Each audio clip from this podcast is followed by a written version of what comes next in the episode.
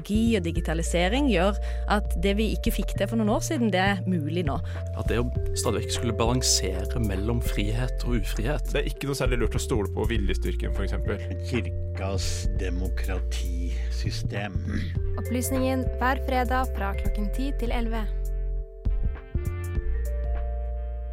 Ja, i det siste så har det kommet en ny debatt som har blitt hentet eh, opp igjen. eh, nemlig debatten om EU. Hva tenker dere, folkens? Er det... Ny debatt. Ja, en Denne her har jo gått i en evighet og løper og løper og løper og løper. For vi blir jo ikke enige i Norge. Skal vi være med i EU, eller skal vi ikke? Og vi har jo liksom politikerne uh, på Stortinget. Det er sånn Litt sånn som det har vært med Nato og sånne ting. Det, nå ser vi liksom viktigheten av Nato rundt Ukraina. Men når det kommer til EU, så har jo på en måte Norge på et tidspunkt da sammen med eh, lille fyrstedømmet Liechtenstein eh, fått eh, den herlige pakken som kalles EØS-avtale. Ja. Europeisk økonomisk samarbeid. Eh, som går ut på at Norge er med i EU på alle handelsgreiene, men vi har ikke stemmerett. Ikke sant? Eh, og den er egentlig ganske nice, fordi at alle disse tingene som eh, medlemmene av EU forplikter seg til, det forplikter liksom ikke Norge seg til på, på like måter. Eh, og det er på en måte Vi blir påvirket, og noen ting må vi bare ta. Og noen ting så slipper vi å, så kan vi unngå det. Eh, og vi har jo noen partier på, på, på Stortinget eh, som vil inn i EU. Et av de er jo f.eks. Høyre. Mens på venstresiden så er det noen partier som ikke vil inn på Høyre. Og det, vi har jo et regjeringsparti nå som eh, ikke vil inn i EU. Senterpartiet. Uh, og ja, de, der er det på en måte liksom forholdene de kjemper for. Da. Uh, bøndene for eksempel, i Norge er jo ikke godt tjent med EU-samarbeid. Fordi at det fins mer lønnsom eh, bondedrift eh, ute i Europa. Eh, og det vil jo da bety at vi kommer til å importere mer bonde, eller gårdsprodukter enn det vi produserer selv. Eh, Så de er jo veldig bastante på at vi skal ikke inn i EU, for da må jeg gi opp gården min. Eh, Mens eksempel de som driver med varehandel og sånne ting, de vil jo det. Fordi at de i Norge, vi jo vi blir jo påvirket av tariffer og tollsystemer og disse tingene her, så det ville jo blitt billigere for på økonomispråket konsumenten, da, eller forbrukerne av produkter, ville jo få det mye bedre hvis vi hadde vært med i EU. Men eh, det er, en, det er politiske strider her om å få det til. Mm, ja, men eh, det er jo veldig lenge siden eh, vi har stemt over dette, da, Emma. Har du eh, Ja, jeg bare sitter og hører på Alex, jeg. Jeg blir litt sånn Ja, ja smart, ja. ja. Debatt som har gått over lang tid, ja. Eh, Jeg føler at det er liksom Jeg var ikke født da. Eh, EØS er jo nice, det. Eh, I don't know. Eh, ja. Ja, det er jo litt sånn, ja, det er jo litt sånn når man tenker sånn Ja, EU sånn Vi i Norge, vi er jo ikke med i EU. Og da er det liksom Ja, men det går jo greit. Eller liksom Det går jo fint. Sånn Ja. Det er sånn Jeg har egentlig ikke, jeg har egentlig ikke hatt noen sånn sterke forhold om at å ja, shit, nå må vi inn i EU. Fordi ja, vi, har- vi har det egentlig ganske greit med EØS-avtalen. Men eh, ja, nei, nei, du Aleksander, du hadde jo en liten eh, fun fact om EU. Vil du dele den med oss? Ja, en veldig morsom eh, For de som har hørt mye på Radio Nova, vet jeg at jeg elsker vedtekter. Eh, eh, og en fun fact om EU sine vedtekter er at eh, da brexit eh, var på gang, og disse som var eh, EU-motstandere, de presterte å levere en del av kritikken sin mot EU-medlemskapet, var at de gikk inn på eh, E- eh, EU sine vedtektssider, og så puttet de basically kontroll F, for å, eller kontroll S, for å søke i dokumentet. Så søkte de på pillow, og da fikk de 109 eh, paragrafer som handlet om pillow. Som, og det er da sånn reguleringer på hvordan de skal produseres, hvordan de skal, eh, hvordan de skal brukes, eh, hva slags di dimensjon det skal være på puter. Og det de ikke hadde sjekket opp, var hva disse forskjellige paragrafene sa. Så de hadde sagt at eh, puter er veldig regulert. Det viste seg at tre av paragrafene handlet om faktiske puter, og andre handlet om andre ting hvor pillow shape var en greie. Hvor en av eh, punktene var en form for cornflakes, eh, som var sånn pillow-shaped. Eh, så ja, eh, det syns jeg er veldig gøy. At eh, de regulerer størrelsen på eh, disse putelignende cornflakes eh, cornflakes-produktene. Ja. Det er sykt. Jeg hadde ikke aning om at det var så mye vedtekter. Oh, Gud, ja. Kjemperegulert. Ja, ikke? Oh my god. Ja. Men uh, her kommer vår reporter eh, Daniel Johansen, som har tatt en liten titt på denne EU-debatten. Uh, og han har fått tatt et par intervjuer med noen folk som har noe å si på dette. En politiker og en uh, politisk ekspert. Er det tid for en ny EU-debatt? Vi starter denne reportasjen på Gardermoen. Ikke for å fly ut av Norge, men for å høre utenrikspolitikk fra Høyres landsmøte. Vi må snakke om EU. Europeisk samarbeid har vært den viktigste faktoren for et fredelig Europa siden andre verdenskrig. Det har bidratt til den største velstandsøkningen verden noensinne har sett. Og grunnleggende rettferdigheter og verdier har blitt forankret i store deler av kontinentet. Norges utenforskap er en sårbarhet vi må erkjenne. For det vil på ingen måte være hensiktsmessig for Norge å ikke kunne delta i beslutninger som påvirker våre interesser og sikkerhet. Skal Høyre være et inkluderende parti, så må vi kjempe for å inkludere oss selv i Europa. Norge må fortsette å være en internasjonal bidragsyter.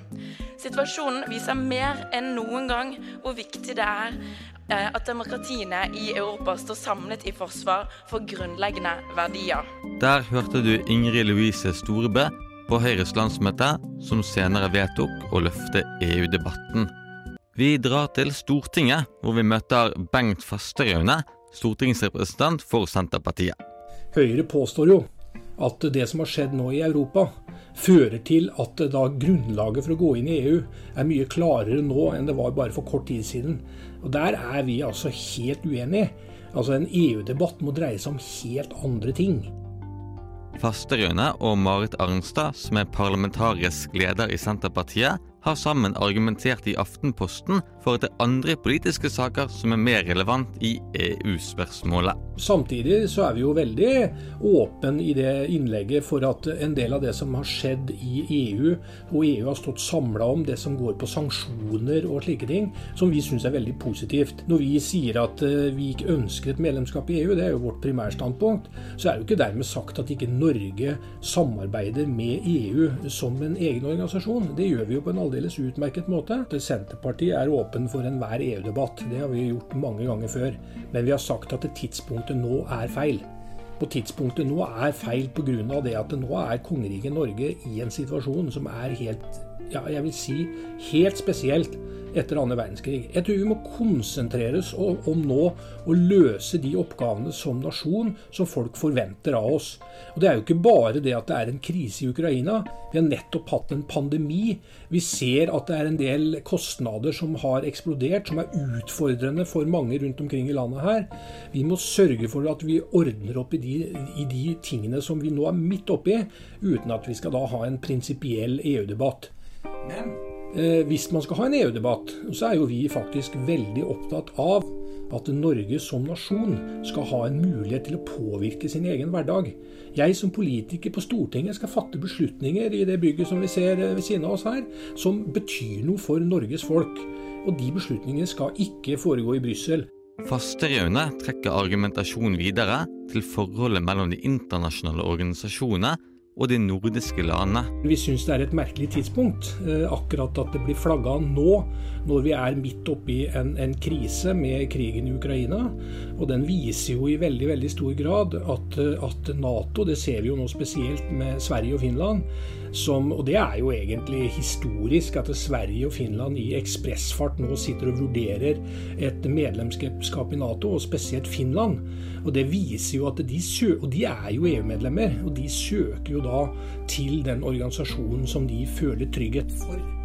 Mens vi i Norge, blant f.eks. Eh, SV og delvis Rødt, plutselig da sier at det skal være et nordisk fellesskap, som da skal være alternativet da til, eh, til eh, Nato. Mens altså de to landene som da vi egentlig skal samarbeide med, sier at det er Nato som gir oss den tryggheten som vi, som vi, krever. Og Det er ikke fordi at Sverige og Finland er noe dårlig på forsvar og dårlig forsvarspolitikk, og de har jo et tett allianse da til Nato i dag. Men det viser egentlig i praksis, når det er en krise, hva som fungerer, og hva folk er opptatt av. Det sa altså Bengt Fasteraune fra sitt kontor på Stortinget. Fra politiker til politisk ekspert. Vi skal få høre fra mannen bak boken 'Mot Europa historien om et nølende Norge'. Ja, du kan si at jeg, litt, jeg, får litt dårlig smak i munnen når Høyre driver og skal løfte debatten. For Høyre har sittet med makten, med, ved makten i åtte år uten å gjøre noen ting. Og det er mye enklere å, snakke om EU når man er i opposisjon. Der hørte du Pål Frisvold, kommentere Høyres nye EU-strategi. Ofte koker den debatten ned til å si at jo, men vi er ikke med på å ta beslutningene. Eh, Det er riktig, men i det begrepet beslutningene så legger det veldig, veldig mye mer. Men hva er egentlig EU-debatten og E EU? EU er en arena. Det er som å si er du for eller imot Norge? Nei, jeg vil ikke ha Norge. Altså, det er jo ikke noe Det er jo bare tull å være mot EU. Men spørsmålet er skal vi delta eller ikke og være med. Så ja, jeg deler Marit Arnstads øh, observasjon om at EU er så mye mer enn sikkerhet. Men jeg deler selvfølgelig ikke konklusjonen hennes. For å trekke en konklusjon i denne saken, bør vi kanskje vite litt mer om EU? EU er nå først og fremst en politisk arena og en agendasetter for den ut samfunnsutviklingen som vi ønsker oss. Og det er en uh, dimensjon som overhodet ikke var til stede forrige gang vi diskuterte EU i Norge i 1994. Uh, Og det andre er at EU, er, EU og EØS er jo et forvaltningsnivå. Akkurat som vi har kommune, fylke, stat, så har vi et europeisk forvaltningsnivå. Det tredje er at EU-samarbeidet er også et rettssamarbeid. Altså et rettslig, juridisk bindende samarbeid. eh, som gjør at vi eh, alle sammen i de landene som er omfattet av dette regelverket, har samme rettigheter, men også samme plikter og samme muligheter. Um, så EU er de tre tingene. Politisk arena, forvaltningsnivå og rettssamarbeid. Vi må kanskje konkludere med at det er spennende å høre at Høyre trekker fram EU-debatten, men at vi trenger litt flere bein å stå på før vi kan ta et standpunkt i saken. Der fikk du vår reporter Daniel Johansen. Intervjuobjektene var Bengt Faster Raune fra Senterpartiet og politisk, politisk ekspert Pål Frisvold. Lyden ble hentet fra høyre.no og musikken fra Blue Dot Sessions.